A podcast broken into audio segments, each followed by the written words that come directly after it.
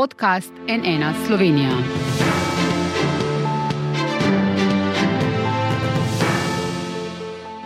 Dobro dan, to je NN studio. Kilogram mesa za 1 evro, štruca kruha za 19 centov. Se je vladni projekt spremljanja cen košarice živil popolnoma izrodil? V članku naše rubrike Poglobljeno ste lahko minuli konec tedna prebrali in videli, za kakšne izdelke gre in koliko jih je pravzaprav na voljo potrošnikom. Meso je uvoženo, prodaja se očitno celo po negativnih maržah, torej po dampinških cenah. Po mnenju slovenske mesne industrije je slabše kakovosti, pridelano in predelano po standardih, ki so v Sloveniji nedopustni. Gre za zavajanje kupcev. V Novi Sloveniji celo menijo, da je projekt nevaren za potrošnike, zato zahtevajo tudi revizijo računskega sodišča. V studiu prav lepo pozdravljam predsednico parlamentarnega odbora za kmetijstvo, sicer poslanko Nove Slovenije, Vido Čadonič Pelič, dober dan. Dobar dan. In člana omenjenega odbora, poslanca vladajoče svobode, gospoda Aleša Rezarja, dober dan, dobrodošli. Prav lep dober dan. Začnejo pa midva, gospa Čadonič Pelič, naj za začetek povem, da smo seveda vabili tudi novo kmetijsko ministrico iz Svobode, Matejo Čalošič, ampak za zdaj še ni na voljo za gostovanja. Gospa Čadonič Pelič, vi zahtevate takojšno ustavitev tega vladnega projekta spremljanja cen košarice živil. Tudi revizijo računskega sodišča, več predsednik Matej Tunin celo pravi, da je ta projekt košarice nevaren za potrošnike v Sloveniji. Zakaj? Ja, mi smo že na začetku, kot je pravzaprav vlada začela s tem projektom, opozarjali, da projekt nima pravega smisla. Sej spremljali cen dela še marsikdo v naši državi, predvsej pa statistični urad. Torej, tudi sam način, kako so spremljali, to se pravi, da izbirajo samo določene trgovine v Ljubljani in da se morajo naprej napovedati, kar je trgovinska zbornica zahtevala, je pravzaprav izničilo še tisto malo upanja, da bo projekt prinesel kaj koristnega za potrošnika. Zaradi tega je ta projekt zavajanje potrošnikov, ker dejansko teh artiklov po tako nizkih cenah ni nikjer za dobiti, to je bilo jasno razvidno iz medijev, a po drugi strani pa ruši dolgoletno prizadevanje Ministrstva za kmetijstvo pod seveda vodstvom drugih ministrov in vseh tistih, ki so v verigi oskrbe za hrano, projekt, ko smo poskušali dopovedati slovenskim potrošnikom, kako pomembno je, da posegajo po lokalno predelani, torej domači hrani, ker je ta bolj kvalitetna in ker s tem združujejo slovenskega kmeta in tudi slovenske proizvajalce. Pa kaj zdaj vi, se upravičujem, pričakujete od te revizije računskega sodišča, ki jo zahtevate, a je v bistvu razlog za to vašo potezo prav naš članek na poglobljeno, ki je bil objavljen? A, kot sem že rekla, mi smo uh, že na začetku tega projekta opozarjali, da ni dober in da ga sploh ne bi bilo treba začeti. Mi smo opozarjali, da so te, uh, ti popisi samo poraba denarja in tudi na osnovi poročanja medijev in tudi vašega poročanja smo pa dejansko videli, da je javnost ozaveščena in da dejansko so že potrošniki ugotovili, da gre za zavajanje in ne glede na to, da to ni zelo velik denar, ampak po naših podatkih je to nekaj manj kot 150 tisoč evrov, ker se nam zdi, da je ta denar nenamensko porabljen. Mhm. Torej se pravi, mi bi radi dosegli, da se ta projekt prekine in da se ta denar nameni za nekaj drugega. Ampak treba je še eno stvar povedati. Ministrstvo za kmetijstvo ni ne ministrstvo za cene, ker to je eno drugo ministrstvo, to je ministrstvo za gospodarstvo in ministrstvo za kmetijstvo ni ministrstvo za socialo, ne? ker to je tudi eno drugo ministrstvo. Da. Torej je to ministrstvo na nek način zlorabljeno s tem popisom. Gospod Rezar, kako ja. vi odgovarjate na te očitke v Svobodi, kjer vodite kmetijsko ministrstvo? Menite, da projekt košarice deluje in da je dober? Zdaj pa slišimo od gospe Čadonič Peliš, da gre za zavajanje potrošnikov. Uh, ja, ker, ker hude obsodbe košarica živili absolutno dosegla svoj namen. Uh, je pa za tako agresivno nasprotovanje običajno evidentno, da je to plot nekega lobija. Čist popolnoma vsega. V tem primeru trgovskega. Uh -huh. Trgovci imajo največje marže. E, popolnoma vsak primerjalnik cen je zdrav za ohranjanje konkurenčnosti in je vedno rezultiral v nižjih cenah. E, ne na zadnje je pri zadnjem soočanju e, kolegica Čadrnič Pelič omenila, kako njene prijateljice e, primerjajo iz reklam. Tukaj na ta način je ta zadeva popolnoma olajšana. Eh, in dokaz, zakaj je to uh, delovalo, je to, da so trgovci absolutno tekmovali za Lovoriko, si jo zelo z veseljem pripenjali. Eh, in eh, so bili celo pripravljeni izrabli, izrabiti te napovedane oglede in so recimo nekdo, ki se eh, predstavlja za promotorja slovenskega mesa, na koncu bil pripravljen uvažati najcenejše meso vprašljive, vprašljive kakovosti. Podobno so trgovci izra, izrabili in prilagodili ceno kruha. Ampak, če se je to zgodilo, torej projekt ni bil v redu zastavljen, ga boste spremenili? Kako Absolut, boste spremenili? Absolutno, pobude smo novi ministrici že dali, mislim, da šteje dneve, odkar je na novem delovnem mestu, v mestnem času, ko nismo imeli ministrice, je zadeva mečken zaspala, ampak smo že takrat eh, podajali popolnoma iste pobude. Eh, v prvem koraku absolutno nenapovedan obisk popisa cen. To je mhm. prvi korak, ki bo, mislim, da eh, poglavitno reši vse težave, potem pa tudi morda razmislimo o tem, da v osnovni košarici živil uh, ohranimo samo produkte slovenskega porekla ali pa celo naredimo košarico živil s slovenskim poreklom oziroma tako ali tako se, namerja, se je nameravilo uh, teh košaric uh, živil širiti, se pravi na zelenjavni, uh, na mhm. zelenjavno poreklo, mesno poreklo in tako dalje. In kako daleč je zdaj to? Kdaj boste to naredili? Uh, kot že rečeno, to mislim, da je bolj primerno vprašanje za ministrico. Pobude absolutno so, ne dvomim, da bomo šli v tej smeri in uh, pustimo zaenkrat to. Je pa ministrica Seja do, do praktično skoraj včeraj bila vaša poslanska kolegica uh, Svobode. Zato vas to sprašujem. Kaj pravite, ja. gospod Čadonič Pelič, na te načrtovane spremembe, ki jih zdaj predlagajo, bo to rešilo stvar, uh, da bo tudi vam ok? Glede, eh, najprej moramo res videti te spremembe. Ja. Uh, jaz se popolnoma strinjam, uh, da so trgovci dejansko to košarico izrabili, zato da so tekmovali, kateri bo cenejši in so šli po damstvih cenah. Ampak kaj je največji problem te košarice? To, da dejansko teh cen ni, oziroma teh proizvodov po tako nizkih cenah, ni moč nikjer kupiti. Se pravi, da gre res za zavajanje potrošnikov. Glede, če govorimo o lobiju, potem sem jaz lobby potrošnikov. Na zadnje sem bila tudi prva direktorica Urada za varstvo potrošnikov in mislim, da smo jih tlele s pomočjo proračunskega denarja na nek način zavedli oziroma so jih trgovci zavedli. Poleg tega, gledajte, Najprej je projekt bil zasnovan tako, da ni bilo potrebno popisovalce vse najaviti. Trgovci so dosegli, da, se, da morajo prej najaviti, preden pridejo. Potem popisujejo zgolj v Ljubljani, kot da uh, ostali del Slovenije ni pomemben. Pa ste to predlagali, da se razširi, se upravičujem? Ja, uh, absolutno. Na vso Slovenijo. Seveda, absolutno dober predlog. Pa uh -huh. samo to bi še dodal.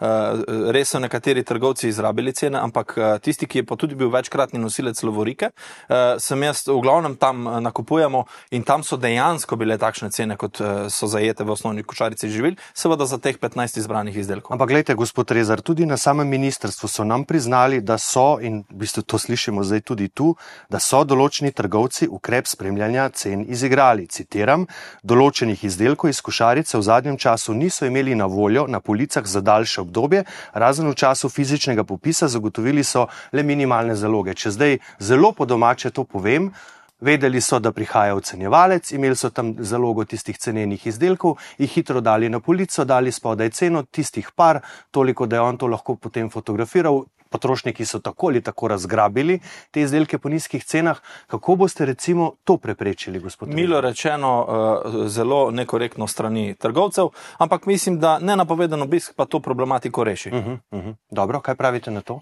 Glede, jaz še vedno mislim, eh, da uh, imamo spremljanje cen skozi statistični urad. Se pravi, tam dejansko je, uh, so zbrane vse cene, ki jih potrebujemo za primerjanje. Torej, jaz mislim, da tega uh, projekta posebej ne bi bilo treba spremljati in s tem trošiti proračunski denar.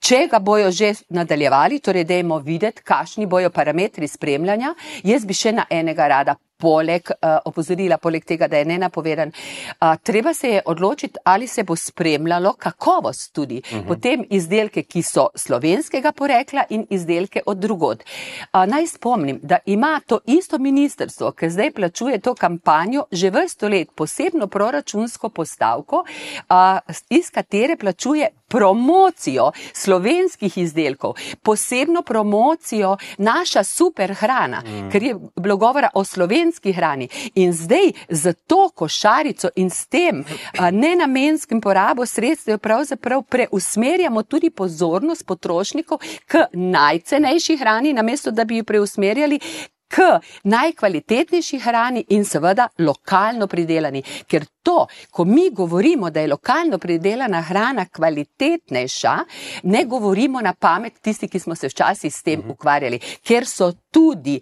analize uh, oziroma nadzor inšpektorjev pokazali, da hrana, ki je kupcu na voljo tako rekoč na njivi oziroma na dvorišču, je veliko bolj kvalitetna kot tista, ki prepotuje tisoče in tisoče kilometrov. Žal pa ponavadi tudi dražja, gospod Trezar, a vas nič ne skrbi kakovost teh močno znižanih izdelkov. Ne v svobodi in tej vladi vse čas povdarjate, da ste za zeleni prehod, za zmanjšanje ogličnega vtisa, tudi premijer Robert Golop nas je vse nekako pozival, da ne jemo manj mesa, hkrati pa s tem projektom, po mnenju naših sogovornikov, spodbujate prodajo cenenih mesnin, ki imajo zaradi dolgih transportnih poti za površe zelo visoko oglični vtis. Absolutno, ampak je tukaj treba dodati, da se je izrabilo na nek način lukno v tem sistemu uh mhm. -huh. zaradi napovedanih obiskov. Uh -huh. So določeni trgovci, ker so si že močno želeli lovorike, kar je dokaz, da ustvarja neko, nek, neko vrsto konkurenčnosti, želeli zauzeti prvo mesto in so s takimi malverzacijami dosegli najniže cene. To, ampak niste mogli pričakovati mogli pričakovati, da se bo točno to zgodilo. Mm. Če, če je bil ravno za ta namen, da bi bile pač cene nižje, v, da se ne bo začelo tekmovanje proti dnu. V, prvem, eh, v prvih treh mesecih se to, eh, se to ni zgodilo in tudi takrat je bila najbolj občutna eh, draginja živilskih izdelkov in takrat je absolutno dosegla svoj namen, zaradi tega, ker tisti, ki so res na, eh, bom rekel, najbolj šibkem eh, finančnem stanju oziroma robo socialne eh, družbe, so lahko te izdelke kupovali po ugodnejših cenah kot bi jih sicer. Eh, bi še rad postavil par podatkov, ki jih je izpostavila gospod Vida v kontekst. Statistični urad spremlja okoli 11 tisoč eh, izdelkov. Eh, to gre za popis vse inflacije in izmed tega nabora, tega popisa je absolutno pre, preveliko število informacij, da bi lahko prihajalo do neke zdrave konkurenčnosti. Ravno s tem namenom se je usta, usta, ustanovila košarica osnovnih živil, da se zagotovi najnižja cena tistih prvih. Se pravi, zagotavljanje te eh, se pravi, košarice živil stane nekje 130 tisoč evrov letno. Če bi mi eh, to razdelili recimo vsem socialno šibkim družinam, je to nekje 2 evra na leto. Eh, cena osnovne košarice živil je od začetka beležene do danes cirka 50, slabih 50% nižja oziroma nekje 20 evrov. To pomeni 20 evrov osnovne košarice za vse družine, ne samo socialno šibke in pa ob vsakem nakupu. Kaj pravite na ta izziv? Dva evra za vsak. Uh, to sem že danes povedala. Ministrstvo za kmetijstvo ni ministrstvo za socialo. Mm. To se pravi, mi z denarjem, ki je namenjen uh, za kmetijstvo, ne moremo reševati sociale. Zato obstaja neko drugo ministrstvo.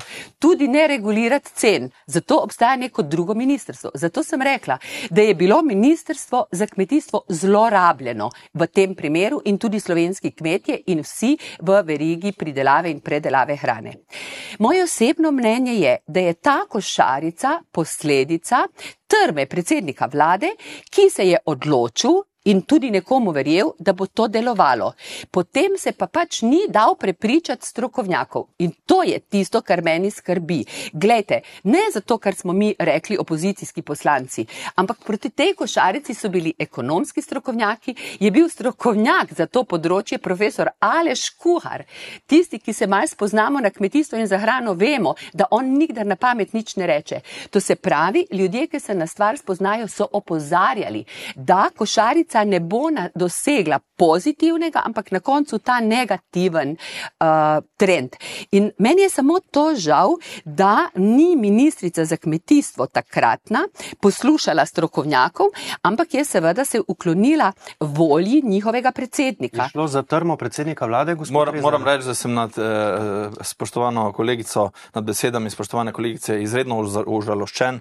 Eh, menim, da absolutno ne gre za to, košarica je dosegla svoj namen, če ne od začetka beleženja do danes ne bi bila eh, 50 odstotkov cenejša. Imamo pa zdaj dva primera, kjer je prišlo do zlorabe. Se pravi, pri tem govejem mesu in pri kruhu. Seveda bomo urgirali, kolikor hitro se da, da se te napake ne bodo ponavljale. ponavljale. Poznamo pa primer dobre prakse. Primerjalnik cen električne energije, če se še spomnite. 10-15 let nazaj, je rezultiral v tem, da so se marže dobaviteljem bistveno skrčile in smo imeli vsi gospodinski odjemalci bistveno cenejše električne, eh, cene električne energije. To bi vas še vprašal, gospod Rezar, ker vse čas ponavljate, da je košarica dosegla namen. Zdaj gledam uradno sporočilo eh, statističnega urada za lani, k letni inflaciji 4,2 odstotka, ki je seveda še vedno med višjimi eh, v, v tem delu sveta, so največ prispevale cene hrane. In brezalkoholnih pijač, in sicer uh, za 4,6 odstotkov. Torej, k skupni inflaciji so prispevali nič celih 8 odstotne točke. Torej, želite reči, kaj, če ne bi bilo te košarice, bi bila inflacija še bistveno više ali kaj? Absolutno, košarica nima popolnoma nobene veze z inflacijo, čeprav menim, da v nekem malem delu, deležu je imela vpliv. Moramo ločiti volumen zapravljenega denarja, ki ga eh, v resnici ne beležimo, in pa bom zdaj demonstriral. Tukaj imamo 11 tisoč iz statističnega urada, To je recimo nabor takšnih podatkov, in tle nekje notri se, se skriva eh, statistična množica nabora iz osnovne košarice živil. Seveda 250 izdelkov napram 11 tisoč ne bo spremenilo stopno inflacije in je ne more. Zagotovo je pa, če imamo teh 15 živilskih izdelkov, ki jih največ kupujemo na nekih dostopnih cenah, za ljudi to eh, izredno blagodejno in eh, se nam pozna v denarnicah. Jaz Kaj mislim, pravite na to? Ne, jaz tudi Ja. ja? tu gledam graf, graf statističnega ja. urada. Poglejte, tule je celo do 20 odstotkov zraslo uh, torej, poviševanje cene hrane. Gospodinje, in, uh, gospodinje uh, mislim, da je ta bi, graf kar jasen. bi no. demantirale, najbrž mojega kolega. ne. A, Vse se je pravzaprav podražilo in a, to vse je ta prispevek hrane k, k inflaciji in a, žal, kot sem rekla, a, ni prispevala a, ta košarica k znižanju življenjskih stroškov, morda nekje posameznikov, ampak v, v skupnem pogledu, koliko hrana uh, prispeva uh, oziroma vzame iz naše denarnice, je jasno, da je hrana dražja in jaz ne vem, kje kupujejo tisti, ki lahko košarico oziroma svoj, svoj voziček napolnijo po nižji ceni, ker tudi sama hodim kupovati. Jaz bi tako le rekla, namen gotovo, da ni bil slab. Sej tega ne grajamo. Dejansko je prav, da bi uh, omejili draginjo, vendar se je izkazalo, da ta ukrep je naredil več škode kot koristi. Poleg tega je pa pripet na Ministrstvo za kmetijstvo, kamor pravzaprav tudi ne sodi. Zato ne sodi, ste ker je povedali, da. tako, ker sem Glejte, to že eh, povedala. Moram, ja. moram še enkrat ponazoriti, ponazoriti dve stvari. Statistični urad beleži cene. Ki sestavljajo inflacijo. To so cene, to ni masa zapravljenega denarja. In če primerjamo cene, košarica osnovnih eh, živil predstavlja zelo, zelo malo množico izmed 11 tisoč, volumen zapravljenega denarja pa v resnici ne vemo, kakšen je. Lahko je v te osnovne košarice živil bistveno večji delež, eh, glede na vse ostale eh, beleženje. Dejstvo je pa, da cene. ste želeli s tem projektom in tako je bilo razumeti takrat in predsednika vlade in takratno ministrico za kmetijstvo gospod Šinko, da se pač s tem projektom v celoti umiri pač eh, tisto hitro, zelo hitro, bliskovito naraščanje eh, cen hrane. To pa absolutno drži. Moje vprašanje za vas, gospod Rezar, kako bi zdaj, kako si vi predstavljate, da je treba ta projekt zapeljati tudi v luči, da ne bo teh dampinških cen, mesa vprašljive kakovosti, ne na zadnje težav za slovensko mesno industrijo, tudi oni pravijo, če tako po domače rečem, ne nam tega delati. Ne? Uh, kaj boste torej naredili? Najlepša hvala za to vprašanje. V, kot prvo smo že večkrat ugotovili vsi trije skupaj tule, da moramo izvajati nenapovedane obiske. Potem je pa treba morda se bomo pogovorili z gospod ministrico, verjamem, da bo tudi gospa Vida imela določene predloge, da bomo uvedli določene kriterije za te košarice živil. Ne vem, meso slovenskega porekla ali pa celo vso slovensko poreklo. Mislim, da je to stvar odbora za kmetijstvo, gozdarstvo in prehrano in bomo tam prediskutirali, kakšne kriterije lahko vnesemo, da se takšne malverzacije, ki smo jim pričali v zadnjem času, ne bodo dogajale. Ampak več kot očitno je, da košarica deluje, sicer trgovci med sabo ne bi tekmovali in trgovski lobby ne bi tako intenzivno nasprotoval eh, tem projektom. Za konec, bo to Ja, dovolj? jaz bi rekla za konec, da uh, še vedno predlagam, da ta projekt izpus, opusti nova ministrica, naj ugotovi, da se je nekako izpel, namen je bil dober, rezultata ni oziroma je vsaj zame strokovno uh, slab uh, in uh, da dela kakšne druge stvari, ker ima zelo veliko za postoriti in mi bomo tudi kot odbor pomagali. Uh, če bom rekla, trmasto ustrajajo, moram uporabiti ta izraz, kaj ti strokovnjaki pravijo, da ni dober, a, potem je pač treba se vse za strokovnjaki na eni strani, ki se spoznajo na ekonomijo in na cene in na trgovino, na drugi strani pa tudi na kvaliteto. Mi ne smemo pozabiti na kvaliteto, o kateri tukaj govorimo. Jaz bi rada rekla, da se bojim, da je veliko tega mesa bilo zamrznjenega, pa potem odmrznjenega. Kar je A, tako- posebna zgodba, Kar je je posebna treba zgodba, govoriti, ja. absolutno. A, ampak je, pa, je jo pa naplavilo ravno to tekmovanje po nizkih cenah. Tako da treba je pogledati uh, iz vseh aspektov uh, ta projekt in se potem na koncu odločiti. Moje stališče je še vedno, da bi ga ukinila. Zelo na kratko, uh, ostale dobre prakse ostalih primerjalnikov pravijo drugače kot spoštovana kolegica, uh, mislim pa, da na koncu pa le naj sodijo potrošniki. In zagotovo bodo, če ne prej na naslednjih volitvah, za danes pa spoštovana gosta, gospod Aleš Rezar, gospa Vida Čadenič Pelič. Najlepša hvala, da ste prišla v ta studio. Hvala tudi vam. Hvala za povabilo. Hvala pa tudi vam za vašo pozornost. Seveda bomo spremljali intenzivno, kaj se bo s tem projektom spremljanja cen košarice živil dogajalo vnaprej. Zato nas spremljajte na nnainfo.si iz studija pa le še lepo zdrav in nasvidenje.